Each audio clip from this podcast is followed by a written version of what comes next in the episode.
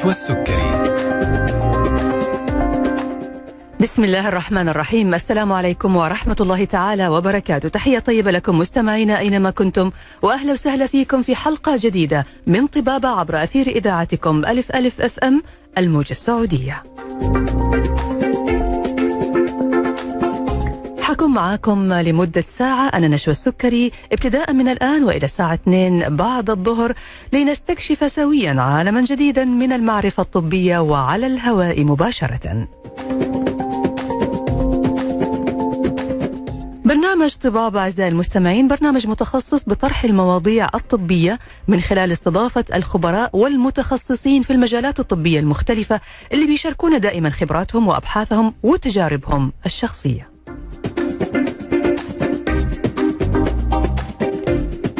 بإمكانكم الاستماع إلينا من خلال الراديو على الموجة اف ام من جدة 101 الرياض 94 الدمام 107.5 مكة المكرمة 102.5 ومن المدينة المنورة 104.5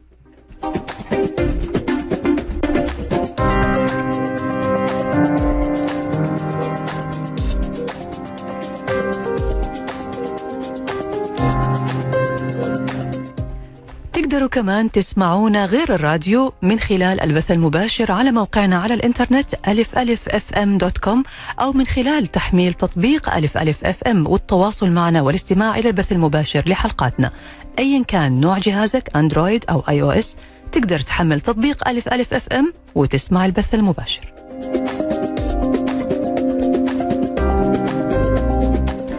تواصلكم معنا أعزائي المستمعين ممكن يكون من خلال حساباتنا على ال social media فيسبوك تويتر إنستغرام واليوتيوب أو من خلال الاتصال المباشر علينا على هاتف البرنامج 012 61 61 100 ورسائلكم على الواتس 055 66 89 01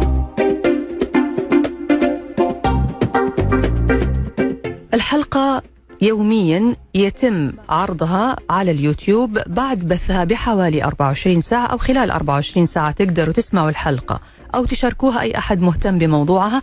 هتلاقوها موجودة في حسابنا على اليوتيوب. ألف ألف أف أم.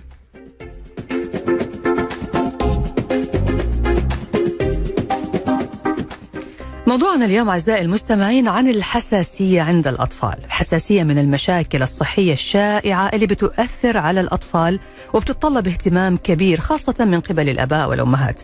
الحساسية تعني أن جهاز المناعة لدى الطفل بيتفاعل بشكل غير طبيعي مع مادة معينة وبالتالي بيؤدي لظهور أعراض مختلفة. هنتكلم عنها وهنعرف أسبابها هنعرف طرق التشخيص والعلاج في حلقتنا اليوم مع ضيفتنا الدكتورة سوزان المالكي استشارية طب الأطفال وأمراض الحساسية والمناعة. مساء الخير أهلا عليكم. وسهلا. مساء النور يا دكتورة. عليكم جميعا. أشكر قناة ألف ألف FM على الاستضافة وأشكر المذيعة نجوى النشوى السكري وكل القائمين على هذا العمل. الله يسلمك دكتورة سوزان سعداء بوجودك معنا وقبولك طبعا الاستضافة في برنامج طبابة على ألف ألف أف إم. طيب دكتورة موضوع الحساسية يمكن من أكثر المواضيع اللي بيعانوا منها الأطفال في مختلف مراحلهم يمكن من الولادة بمراحل عمرية مختلفة. خلينا دكتورة في الأول إيش يعني الحساسية؟ آه، الحساسية هي عبارة عن رد آه، فعل مناعي من الجسم تظهر عن آه، تظهر على طريقة أعراض أو أمراض الحساسية بأنواعها المختلفة نعم. يعني الحساسية مصطلح عام شامل لأمراض كثير مم. حساسية الربو حساسية الطعام حساسية الجلد الأنف العين فالمصطلح واسع مم. بس مختصره أنه هو رد فعل مناعي رد فعل مناعي. طيب يعني إيش اللي يخلي الطفل يصاب بالحساسية؟ آه آه طبعا ما في سبب واحد. آه هو يعني نسميها ملتي فيكتوريال أو عوامل متعددة. آه يلعب فيها العامل الجيني أو الوراثي يلعب فيها العوامل آه البيئية. آه فعوامل كثيرة تلعب هذا الدور. أهمها العامل الوراثي والعامل البيئي. جميل. إيش اللي بيحصل يا دكتورة؟ يعني الآن في شخص مثلا ما عنده عامل وراثي بس ممكن يكون تعرض لشيء معين خارجي. إيش اللي بيحصل في الجسم؟ فبيخلي فيه أعراض حساسية. الج- الجسم كيف بيتعامل مع العوامل الخارجية هذه؟ آه هي عبارة عن تف... زي ما قلت تفاعل مناعي مثلاً. تفاعل. يعني الجسم بيعتبر إنه المادة هذه غريبة. غريبة. آه، أوكي. تمام. وبالتالي بيبدأ يتعامل معها على إن هي عدو. فبيطلع أشياء معينة بيفرز أشياء معينة لهذا مع إنه هذه المادة ممكن تكون نوع من الأكل مثلا صحيح. أو أي شيء عادي في حياتنا. صحيح. تمام. طيب في أنواع حساسية مختلفة يا دكتورة عند الأطفال؟ طبعا إحنا نعرف إنه نوع الحساسية بيختلف على حسب السبب وعلى حسب آه، العوامل المؤثرة عليها. فخلينا نعرف من حضرتك إيش هي أنواع الحساسية الشائعة اللي ممكن تصيب الأطفال؟ آه حلو. أول حاجة نبدأ آه حساسية الطعام. طبعا يكون الجسم يتعرف على الطعام كأنه جسم غريب فيبدأ عندنا الأعراض إما عن طريق حساسية سريعة أو حساسية متأخرة. نعم.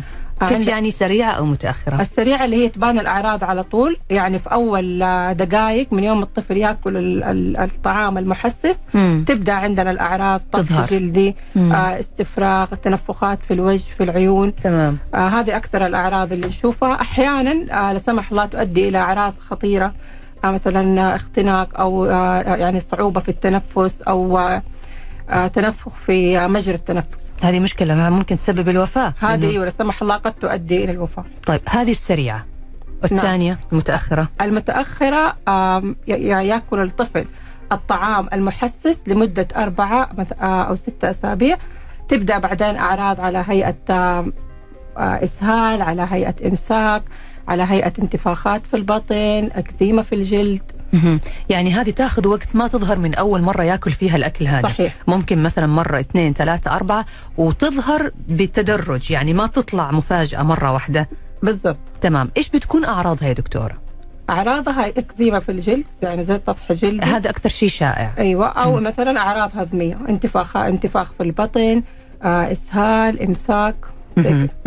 طيب هل يا دكتورة الحساسية هذه شيء لابد إنه إحنا نتعايش معه ولا ممكن إنه هي بمرور الوقت تتحسن بدون ادويه بدون تدخل؟ آه، لا هي مو شيء يعني آه، مو شيء إنه إحنا المفروض نتعايش معه. الحمد لله الطب اتطور وصار في يعني عندنا آه، تحاليل كثير ممكن نكتشف بها الطعام المحسس صار في طريقة علاج صار في وعي فلها بإذن الله حلول. آه، وفي أطفال يعني أنواع من الحساسية تختفي زي مثلا حساسية الطعام في أنواع منها زي حساسية الحليب 80% منها لما الطفل يكبر تختفي. تمام. فإن شاء الله لها حلول ويعني من الأمراض اللي بإذن الله تتعافى والمريض يقدر يعيش بعدها حياه طبيعية بإذن الله. ممتاز. هعرف من حضرتك إيش هي التحاليل هذه وكيف بيتم تشخيص الحساسية عند الأطفال وكيف بتعرفوا إيش المادة المسببة للحساسية؟ هذا بعد ما نطلع فاصل قصير ونرجع بعد ونكمل حوارنا. نستقبل اتصالاتكم أعزائي المستمعين على هاتف البرنامج 012 61 61 100 ورسائلكم على الواتس 055 66 89 01 ومعنا اليوم الدكتورة سوزان المالكي استشارية طب الأطفال وأمراض الحساسية والمناعة. بنتكلم عن الحساسية عند الأطفال وطرق التعامل معها. فاصل وراجعين. طبابة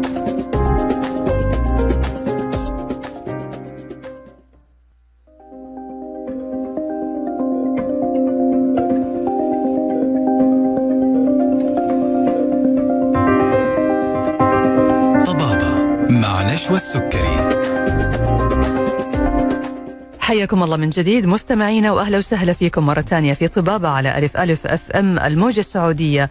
ومع ضيفتنا الدكتورة سوزان المالكي استشارية طب الأطفال وأمراض الحساسية والمناعة. موضوعنا اليوم عن الحساسية عند الأطفال وطرق التعامل معها. نستقبل اتصالاتكم على هاتف البرنامج 012 61 61 100 ورسائلكم على الواتس 055 66 89 01 أرحب فيك دكتورة سوزان مرة ثانية وأهلا وسهلا فيك. طيب دكتورة إحنا الآن فهمنا أنه الحساسية يعني أغلب الأسباب بتكون وراثية وإذا ما في سبب وراثي في بعض الأحيان أو في غالب الأحيان ما بتكون معروفة الأسباب هي بتكون صح. رد فعل من الجسم فجأة تجاه عنصر معين تجاه أكل تجاه غبار تجاه الجو تجاه أي حاجة ما نعرف. تج يعني تظهر عليه في أعراض زي ما حضرتك تفضلتي وقلتي تظهر بأعراض جلدية تظهر بكحة عطاس أشياء مختلفة ممكن تكون هي السبب في في هذه الحساسية. طيب كيف بيتم تشخيصها؟ كيف أعرف إنه طفلي عنده حساسية؟ علما بأنه راح أتكلم عن هذه النقطة مع حضرتك بعدين. إنه في شخص أشخاص كثيرين عانوا من الحساسية وما اكتشفوها إلا يعني في سن كبير يمكن كانت أعراضها بسيطة وما كانوا يعرفوا إنه كان عندهم حساسية. صحيح. والوعي دحين كمان زاد عن أمراض الحساسيه. كيف يتم تحليلها واكتشافها وتشخيصها؟ طيب آه، أول حاجة لازم يكون في أعراض. زي ما قلت أمراض الحساسية كثيرة. آه، نبدأ مثلا بحساسية الطعام. في أعراض معينة لما يأكل الطفل الأكل تبدأ عندنا طفح جلدي آه، استفراغ آه، مثلا آه، أو انه هو انتفاخ في العيون في الوجه. في حساسية الصدر تكون الكحة اللي بالليل مم. عندنا حساسية الأنف تكون أعراض أنف آه، مثلا آه، سيلان عطاس آه، مثلا تكفيلة في الخشم مهم. حساسية العيون يكون في سيلان دائما حمار حكة مهم. فلازم يكون في أعراض يعني مهم عندي يجي المريض أعراض موجودة آه، باختلاف أنواع المرض بعد كده التحاليل عندنا نوعين تحاليل معتمدة النوع الأول اللي هو تحليل الاي جي اي. تحليل دم هذا يعني يغطي نوعين آه، الطعام والهوائيات أو المستنشقات الطعام بأنواعه الأطعمة المحسسة الأكثر شيوعا عندنا الحليب القمح بيض مكسرات روبيان سمك مم. والهوائيات أو المستنشقات آه، أكثر شيء عندنا هنا آه، يعني في. في جدة نتكلم. بما إني أشتغل في جدة عندنا عفة غبار المنزل عندنا الفطريات الله يكرمكم ال- الصراصير القطط الصراصير. بتسبب حساسية الصراصير بتسبب حساسية عشان كذا النساء يخافوا من الصراصير الكلاب والناس اللي بيطلعوا مثلا يركبوا خيول أو اللي بيطلعوا مزارع فيها مثلا آه، غنم أو هذه الأشياء اللي هو الشعر حقها ممكن يكون حقها. سبب هذه أيوه هي أكثر الأشياء المحسسة كمستنشقات اللي بنشوفها فهذه التحاليل اللي معتمدة عالميا في. تشخيص أمراض الحساسية. طيب بعد تشخيص ومعرفة السبب. هل يمكن العلاج من الحساسية يا دكتورة؟ آه، العلاج نبدأ أول شيء علاج على حسب زي ما قلت المرض. مم. آه مثلا آه يعني حساسية الربو وحساسيه الأنف. نبدأ نعرف إيش المهيج عن طريق تحاليل ال- الهوائيات. ويكون في تغيير بيئي وتجنب الشيء المهيج. آه عندنا العلاج الدوائي. بعدين عندنا امثال آه حساسية. إذا ما كان في استجابة على العلاج الدوائي بدون ما أدخل في تفاصيل عشان وقت الحلقة. تمام. آه الاكزيما يكون آه آه، العلاج أكثر شيء بالتوبيكال أو بال- بالكريمات.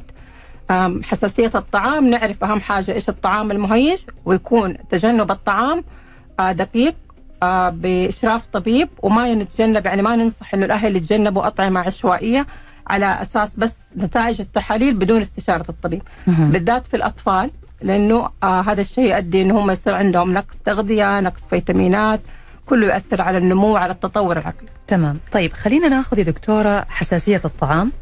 أعتقد أنه هي من أكثر ال- أنواع الحساسية شيوعا عن أنواع الحساسية الثانية لأنه هي الط- الطعام في حياتنا بشكل يومي. طبعا غير الحساسية الموسمية غير الحساسية اللي من الغبار والأشياء هذه.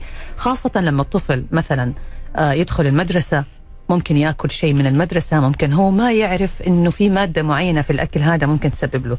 فبداية حساسية الطعام بتظهر عند الطفل. يعني هل بتظهر في عمر معين مع بداية آه، تناوله للطعام ولا ممكن مع أكثر من من مرة؟ آه أغلب الحالات اللي بنشوفها في الأطفال لما يبدأ يأكل الطعام أول مرة. مم. هذه أغلب الأشياء اللي بنشوفها. طبعا يكون في أول سنة في أول سنتين. مم. دحين صرنا نشوف أحيانا يكون الطفل ما عنده حساسية من الطعام لما يكبر. على 12 13 تظهر سنه عنده. تظهر على إيش السبب يا دكتورة؟ برضو يعني أنا يعني ال- mechanism أو التفاعل اللي يحصل بالضبط يعني ما هو معروف غير واضح تعتبر مم. كلها immune يعني reaction أو تفاعل مناعي هذا اللي نقدر يعني نشرحه للعامة أو للمرضى. تمام طيب خلينا ناخذ الآن الطفل الصغير هذا اللي بدأ تظهر عليه أعراض حساسية مع مع الأكل حضرتك يعني قلتي لي في البداية في بداية الحلقة إنه ممكن تكون الحساسية مفاجئة ممكن تظهر بأعراض انتفاخ أو آه، مشاكل معينة في في الحلق في البلعوم ممكن تعمل انتفاخ عند الطفل ما يقدر يتنفس فهذه خطيرة جدا صحيح طيب في الحالة هذه يعني إذا في تاريخ وراثي مثلا في العائلة وممكن محتمل أنه يكون الطفل هذا معرض للحساسية كيف يتم التعامل معه؟ عادة يعني آه، إذا كان في تاريخ في الأسرة مثلا الأخو عادة عادة نقول للأم عادي ممكن إن هي تأكله وتلاحظه.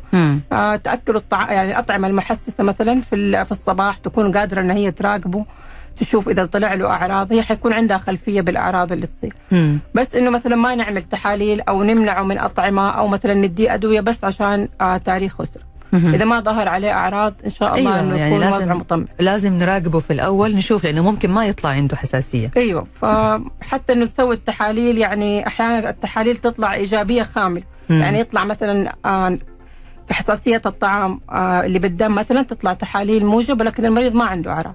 فنراقب آه، مهم جدا في التشخيص إنه يكون في أعراض. تمام. يعني ممكن تكون عنده احتمالية الحساسية بس ما تظهر. ما تظهر. أيوه يعني مر يعني هو بيكون عنده احتمالية بس يكون سبحان الله ما تجي له أعراض حساسية. تمام. طيب إيش أكثر الأطعمة اللي ممكن تسبب حساسية للأطفال؟ أنا دائما أشوف الحليب أكثر شيء ولا الجلوتين أو الدقيق أو شيء زي كذا. أيوه هي الحليب والقمح. زي ما حضرتك تفضلتي. مم. عندنا البيض آه المكسرات تجي بعدها الروبيان السمك.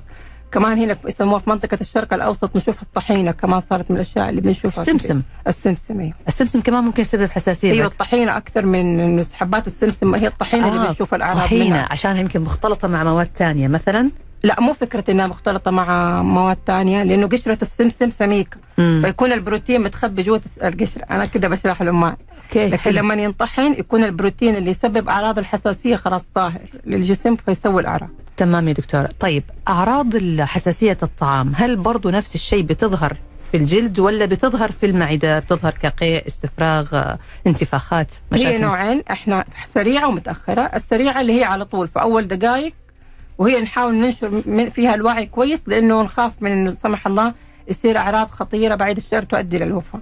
يكون آه، استفراغ، آه، طفح جلدي، آه، مثلا ممكن إسهال، ممكن انتفاخات في الوجه في الشفايف، كحة، صعوبة في التنفس، إغماء، هذه الأعراض اللي اللي اللي نشوفها مع الحساسية السريعة. طيب والثانية اللي هي البطيئة أو المتأخرة المتأخرة ت- يجي الإكزيما اللي هي حساسية الجلد أو انتفاخ في البطن يجي إمساك إسهال زي كده. طيب حساسية الطعام يا دكتورة هل بتتحسن كل ما يكبر الطفل؟ إن شاء الله بإذن الله يعني من كرم ربنا آه، 80% من الحالات تتحسن مع الحليب البيض القمح من الأشياء اللي تروح مم. بالنسبة للمكسرات السمك الروبيان والطحينة آه، 20 ل 30% منها أنها هي تختفي جميل طيب أنا هعرف من حضرتك بعد الفاصل الحساسية المفاجئة أو السريعة هذه. لو صابت الطفل كيف أتعامل معه؟ لأنه هي ممكن تتطور وتصير لها مضاعفات خطيرة جدا. أكيد هذه مهمة النقطة جدا إنه إحنا نتكلم فيها ونوضحها للمستمعين. بعد الفاصل هنجاوب على هذا السؤال. لازلنا نستقبل اتصالاتكم مع أعزائي المستمعين على هاتف البرنامج 012 61 61 100 ورسائلكم على الواتس 055 66 89 01 فاصل. وراجعين معنا الدكتورة سوزان المالكي استشارية طب الأطفال وأمراض الحساسية والمناعة وموضوعنا عن الحساسية عند الأطفال.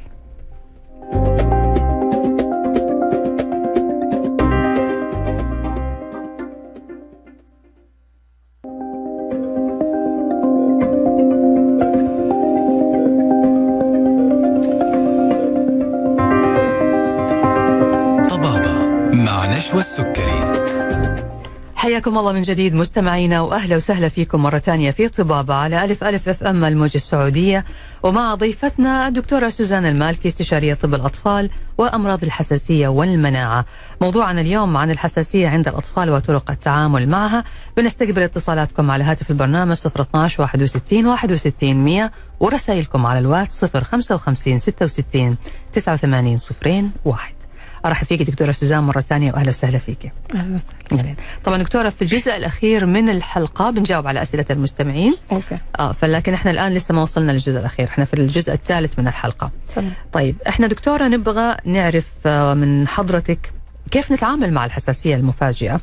يعني بعض الناس ممكن يكون عنده تحسس من أكلة معينة من من صنف معين. ممكن يكون الصنف موجود جوات الأكلة وهو ما يعرف إنها موجودة. آه كيف لو صار عند الط- الطفل أو عند الإنسان بشكل عام يعني تحسس مفاجئ وظهرت عليه الأعراض كيف يتم التعامل معه؟ تمام. أول حاجة يسويه آه، إذا كانت أعراض خفيفة يمتنع عن الطعام. مم. إذا كانت أعراض شديدة زي آه، صعوبة في التنفس اختناق آه، فقدان في الوعي لازم يتجه على طول للطوارئ. تمام. بعد كده يعني خلصنا ال acute stage الح- الشيء اللي حصل الطارئ. بعد كده يتوجه لطبيب الحساسية وتتسوى له التحاليل إما تحليل دم أو تحليل آه، وخز الجلد اللي هو يحط نقط من الطعام على ال- على الجلد. يكون طبعا مصنع يكون آه، مصل مصنع للصنف المحسس من الطعام على الجلد وبعدين يتم خدش الجلد يعني تتقرأ في العيادة بطريقة معينة خلال 15 ل 20 دقيقة. تمام. آه بعد كده آه نبدأ. آه إذا كانت الاعراض آه نبدأ نجلس مع الأم. آه آه يعني يكون في توعية عن الطعام المحسس كيف هي تتجنبه. نعلمها كيف مثلا أحيانا يكون الطعام في أشياء خفية زي مثلا الحليب آه مثلا تلاقي مثلا السريلاك محتوي على الحليب يعني نجلس معاها نعلمها كيف آه يكون احتماء تام. آه كيف نقرأ البطاقة الغذائية كيف نعرف الطعام اللي يحتوي على ال- الأكل بطريقة خفية مم. عش- عشان تكون الحمية آه بطريقة صحيحة مم. آه بعد كده نيجي على الأدوية إذا كانت أعراض خفيفة مثلا طفح جلدي أو مثلا عطاس أو مثلا شوية سيلان في الأنف في أن- أنواع من آه الأدوية اللي هي شراب الهستامين آه نوصفه للمريض مم. إذا كان المريض حصل له أعراض مثلا اختناق أو أعراض صعوبة في التنفس أو فقدان في الوعي يحتاج إلى الطوارئ ينصرف له الإبرة الإسعافية اللي هي إبرة الأدرينالين هذه ضروري تكون عند المريض يكون عنده اثنين منها. ونجلس مع المريض في العيادة توعية كاملة وتثقيف كيف يستخدم هذه الإبرة ومتى يستخدمها. إذا الطفل يروح للمدرسة ندي الأم تقرير بالحالة آه تكون إبرة موجودة في المدرسة في حال أنه حصل للطفل للحالة هذه. أيوه. فيحتاج توعية وحان يعني نحتاج نجلس مع المريض أكثر من جلسة آه يتوجه إلى عيادة التغذية برضو آه يكون في توعية للأم. مم. خاصة لما يكون في أعراض آه خطيرة لأنها لا سمح الله قد تؤدي إلى الوفاة. نعم. حضرتك ذكرتي حاجة مرة مهمة وهي أنه الطفل اللي عنده حساسية خاصة اللي ممكن تجيله الحساسية اللي هي النوع المفاجئ هذا لازم الأم يعني تكون متابعة معاه ومع المعلمة ومع الإداريين اللي في المدرسة أنه في تقرير مفصل عن حالته على أساس أنه أنا ولدي أو بنتي عنده الحساسية الفلانية. فيعرفوا كمان هم كيف يتعاملوا معه. ممكن بكل بساطة يكون جالس مع أصحابه. أو- أيوه في واحد معاه سندويشة جايب حلا معين أكل منه ويكون في المادة اللي بتسبب له الحساسية. صحيح. هنا دكتورة برضو كيف يتم التعامل؟ يعني الطفل مثلا بدأ تظهر عليه أعراض حساسية مفاجئة. هل حضرتك تقصد انه تكون في إبرة موجودة في المدرسة يعطوها للطفل مباشرة ولا لازم؟ الإبرة تكون موجودة في المدرسة. مم. يعني لازم الإبرة تكون موجودة في المدرسة يكون بالتنسيق بين الأهل والمدرسة أن الإبرة هذه موجودة. هذه حالة الطفل الأعراض إن- في حالة أنه هو أخذ الطعام هذا بالغلط مم. آه ياخذ الإبرة هذه. مم. طبعا الأم آه لازم يكون كل أصلا أحد مع يعني الطفل بيروح عنده أو كل الناس ال- آه اللي مع مع الط- مخالطين للطفل عارفين حالته. الأقارب المدرسة الأص- يعني في أي مكان يروح لازم يكون التوعية لل- للأهل وللمجتمع بحالة الطفل. تمام. طيب هنروح شوية على الحساسية الثانية زي الحساسية اللي بتكون أعراضها بتظهر على الجلد. آه لو الشخص مثلا أخذ العلاج بس كان بيتعرض بشكل دائم لمسبب الحساسية حتى مع وجود العلاج كيف بتكون هنا الحالة؟ طبعا في الطعام الموضوع مختلف زي اللي بتكلمنا عنه آه، قبل شوي. مم. آه، هنا نتكلم عن حساسية مثلا الأنف أو حساسية الربو. نعم. مثلا إذا من مثلا من قطط أو مثلا من آه، عدة غبار المنزل والمريض لسه يتعرض طبعا الأعراض ما حتتحسن. يعني حتى ندي العلاج الدوائي تخف. إذا ما كان في تجنب آه، للمهيج آه، كويس ما ح- يعني يكون صعب إنه الأعراض تتحسن. حتى لو بياخذ العلاج. حتى لو بياخذ العلاج. يعني مثلا حساسية الأنف مثلا آه مثلا من شيء معين والمريض بيتعرض لذا الشيء. وياخذ الأدوية ما يكون في تحسن. يعني في تحسن بس ما يكون زي لو تجنب المهيج تمام. طيب وإذا كان في تعرض مستمر للشيء اللي بيسبب الحساسية إيش ممكن تكون المضاعفات هنا؟ هي أكثر شيء يعني بن يعني بنحذر الأم منها في حساسية الربو لأنه لو يتعرض كثير الطفل ل- للمهيج بيجي له مثلا دائما أزمات ربو يكون شوية صعب التحكم فيها مم. إذا ما كان في تج- يعني تغيير بيئي إذا ما في تغيير بيئي يعني تقصد إنه المكان اللي هو موجود فيه يكون تغييره بالكامل بحيث إنه ما يتعرض للمسببات هذه. نعم أوكي ممتاز. طيب نيجي دكتور الآن حضرتك قلتي حاجة مهمة وهي موضوع الحمية. آه إنه في حاجة اسمها حمية الحساسية اللي هي ال- النظام الغذائي اللي يمشي عليه الشخص المصاب بالحساسية لو بيتحسس مثلا من أنواع معينة من الأطعمة. كيف بيتم تحديد الحمية هذه بناء على إيش؟ آه آه هي الأهم حاجة إنه يكون في أعراض. يعني التحال آه، يكون في أعراض عند المريض مم. يكون باستشارة الطبيب. دائما يعني ننبه المرضى إنه ما يسووا أي حمية عشوائية آه عن يعني على أساس نتيجة التحاليل بس. يعني الأم تسوي التحاليل مثلا يطلع لها أشياء مثلا موجب آه مثلا آه مكتوب مثلا class 4 class 3 يعني طالع لها أشياء إيجابية. مم. خلاص هي تقرأ التقرير لوحدها وتمنع كل الأشياء الموجبة. نعم. حيطلع لها خمسة ستة أنواع من الأكل هي مانعتها كده عشوائي. فالحمية تكون آه للطعام اللي, اللي فيه منه أعراض تحت إشراف وإرشاد طبي تمام طيب هل معنى كده دكتورة أنه الأشياء اللي آه، يعني واضح إنه هي قوية جدا أو مؤثر قوي في الإصابة بالحساسية. لابد من منعها تماما. يعني في بعض الناس مثلا يقول لك والله أنا ودي أذوق الأكل هذه ودي آكل منها. هل في طريقة إنه ممكن يأخذ دواء معين ويأكل الاكله هذه اللي هو مشتهيها يبغى يأكلها بدون ما تسبب عنده تأثر أو تسبب عنده تحسس؟ طيب الكلام هنا نقسمه اثنين. إذا في أعراض خطيرة. أو اختناق أو يعني آه، فقدان في الوعي أو صعوبة في التنفس المريض ممكن يحتاج طوارئ عنده الإبرة الإسعافية آه، هذا الكلام فيها يعني ما, نتناقش فيه. ما في نقاش. أيوة ممنوع ممنوع. ممنوع ممنوع. يعني اللي عنده تحسس من الجمبري ومشتهي جمبري ممنوع, ما في أكل جمبري. إيوه كده فيها نقفل الكلام. إيوه. طيب. لكن لو الأعراض عندنا خفيفة يعني مثلا أديكم مثال على حساسية الحليب. مم. إذا شرب ال- ال- الطفل الحليب السائل بيجي منه أعراض. أيوه. لكن لو مثلا آه، أكل كيكة فيها حليب أو أشياء مخبوزة فيها حليب ما يجي منه أعراض. مم. فأنا أقول للأم ممكن تديه الحليب آه، يعني الحليب اللي في في في أشياء مخبوزة أوكي. لكن الحليب السائل لا لفترة معينة نرجع نقيم حاله تمام يا بس دكتور. هذه الأشياء ما تتم عشوائي تتم تحت إشراف طبي على حسب نتائج التحاليل اللي عندنا على حسب الأعراض اللي عند المريض. مهم. تمام. طبعا دكتور علاج الحساسية بيكون برضو على حسب قوة الأعراض وشدتها وصعوبتها. ممكن يكون زي ما حضرتك قلتي أدوية اللي هي الأنتي هيستامين أو مضادة للهستامين. وإحنا نعرف أنه الأدوية أدوية الحساسية لها أعراض جانبية وبتأثر.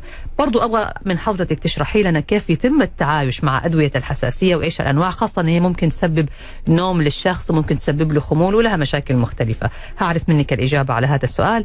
بعد ما نطلع فاصل قصير نرجع بعد الفاصل نكمل حوارنا مع ضيفتنا الدكتورة سوزانا المالكي استشارية طب الأطفال وأمراض الحساسية والمناعة.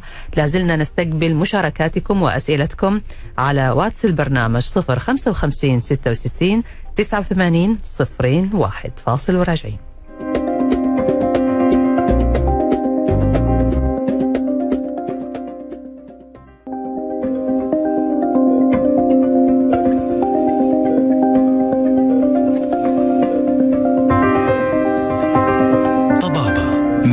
مع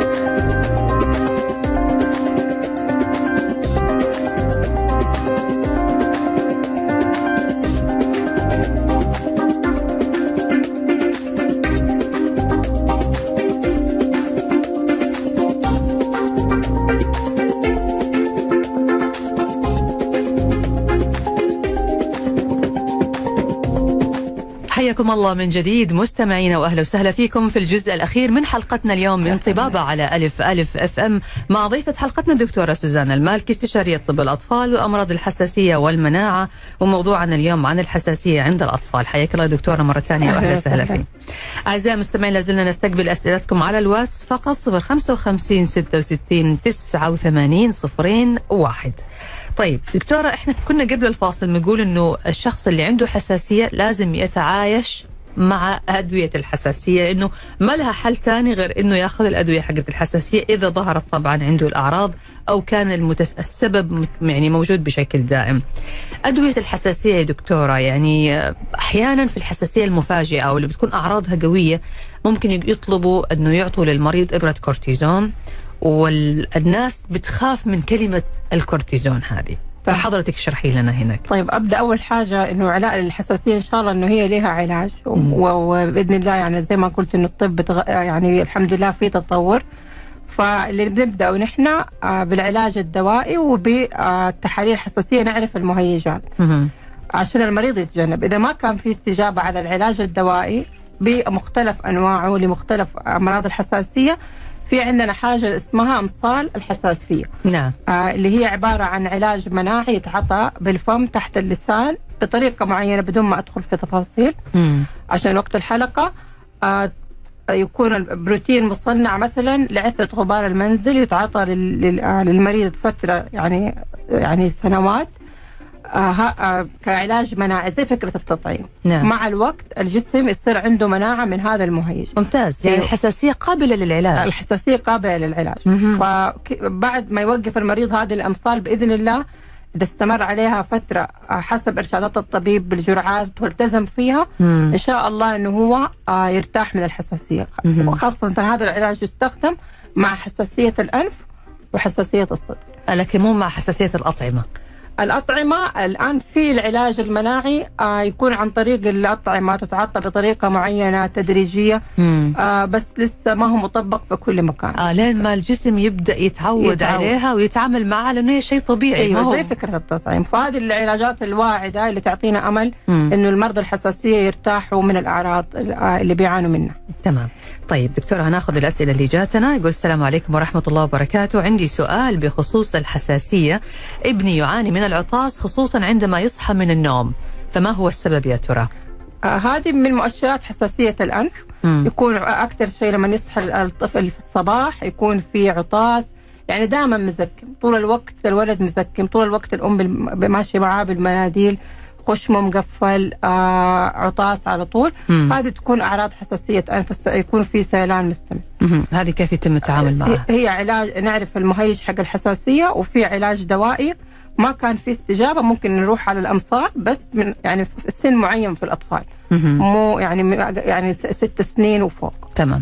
طيب عندنا سؤال آخر يقول السلام عليكم. آه، مساء الخير. ابنتي تعاني من حكة منذ الولادة وتم تغيير أنواع الحليب وعمل اختبار حساسية الأكل وما زالت الحكة موجودة وبنستخدم لها الترطيب. هل هناك حل؟ حضرتك الآن بتتكلمي عن الأبصال وعن العلاج هل في حل أنه يقضي على هذه المشكلة عندها؟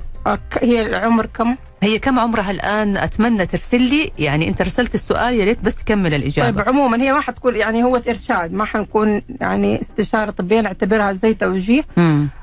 مو كل طفح جلدي أو حكة تكون بسبب الحليب مم. الحالة اللي زي كده آه، يكون الترطيب آه، علاجات دوائية مهم.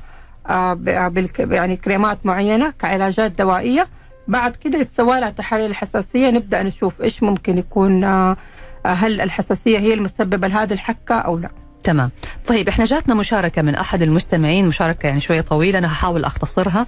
آه منقولة طبعا ويقول إني لكم من الناصحين. يتكلم عن مبتعث سعودي مر بتجربة كان في أمريكا وكان يبحث عن الجبنة السائلة لأنه طبعا كثير من الناس يعني يحبوها يعشقوها. لما راح السوبر ماركت ما حصلها فطلب إنهم يوفروها.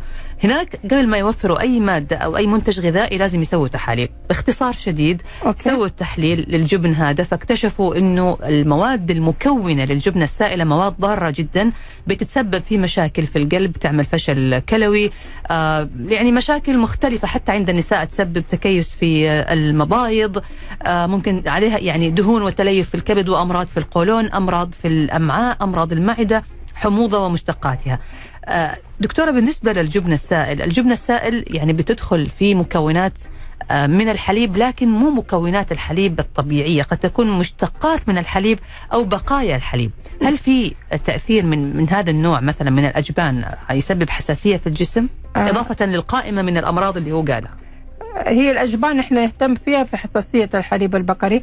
آه يعني ما مو سؤاله ما له علاقة كثير, بالحساسية بس كطبيبة وبنصح الناس عموما اللي نعرفه مم. إنه ال- الأجبان هذه ال- السائلة أغلبها غير صحية ويكون الدهون فيها عالي مهم. فممكن إن هم يتجهوا لخيارات الأجبان الصحية مم. ويبتعدوا عن السائلة يعني بعيد عن عن الحساسية وعن يعني المجال أو الاختصاص حقي إنهم يتجهوا لل للطعام الصحي عموما. والحين على فكرة صار في صناعة كثير يعني كثير. option وخيارات إي إي. حتى الجبن صناعته في البيت سهلة. يعني شفنا نشوف الفيديوهات اليوتيوب. حتصعبيها بس ممكن نتجه لا يعني أنا أحيانا أعرف إنه الجبن لازم ينحط فيه مواد حافظة. إيه. بعض الناس ممكن تكون متحسسة من المادة الحافظة اللي موجودة في الجبن مو من الجبن نفسه. صحيح فإحنا ممكن الأمهات يعني اللي يحرصوا على الص- على صحة أولادهم ممكن ترى الجبن مرة في أمهات يحبوا يسووا إيه. طيب هو دكتور السؤال اللي جانا عن ال- البنت اللي عندها حكة يقول عمرها سنة ونص الآن. أيوه. يصير نش... يعني أول شيء نتأكد إنه الحكة بسبب الحساسية مو سبب ثاني. هل معاها مثلا أعراض في الجلديه أو لا بس حكه مهم. فتحتاج تقييم دقيق غير إنه نحن بس نجلس نغير الحليب ومن نوع لنوع. تمام. طيب أنا بشكرك جزيل الشكر الدكتورة سوزان المالكي استشارية طب الأطفال وأمراض الحساسية والمناعة. شكرا لوجودك معنا دكتورة سوزان. شكرا لكم. أنا مرة مبسوطة بال- باللقاء. أحب أنصح المرضى إنهم هم يبتعدوا عن الحميات العشوائية. آه والوقاية أهم حاجة. أهم إنه نحن ندور علاج أو نحن ندور أدوية. فأخذ كذا ثانية أتكلم فيها عن الوقاية. إنه الرضاعة الطبيعية في أول ست شهور مره تساعد على الوقاية. ندخل الأطعمة التكميلية بدري يعني نحاول إنه إحنا في أول سنة ندخل للطفل أغلب أنواع الأطعمة. آه هذا يساعد في الوقاية من أمراض الحساسية آه والرضاعة الطبيعية. وما ننصح الأم بفترة الحمل أو الرضاعة إنها تسوي أي حمية غذائية عشان آه موضوع الوقاية. نعم. فالرضاعة الطبيعية وإدخال الأطعمة التكميلية مبكرا مهم جدا. تمام شكرا يا دكتورة على النصيحة وعلى المعلومة. الله يعطيك العافية. شكرا لكم. الله يسلمك. على خير. مع الشكر موصول لكم أنتم أيضا مستمعين الأعزاء. نلقاكم على خير إن شاء الله في الأسبوع المقبل. انتظرونا من الأحد إلى الخميس مع برنامجكم طبابة واللي بيجيكم يوميا الساعة واحدة الظهر مباشرة على الهواء عبر أثير إذاعتكم ألف ألف إف إم. تقبلوا تحياتي من خلف المايك. أنا نشوى السكري ومخرج هذه الحلقة رائد باراجي وأترككم الآن مع الزميل عادل بارباع وبرنامج من حقك في حفظ الله ورعايته.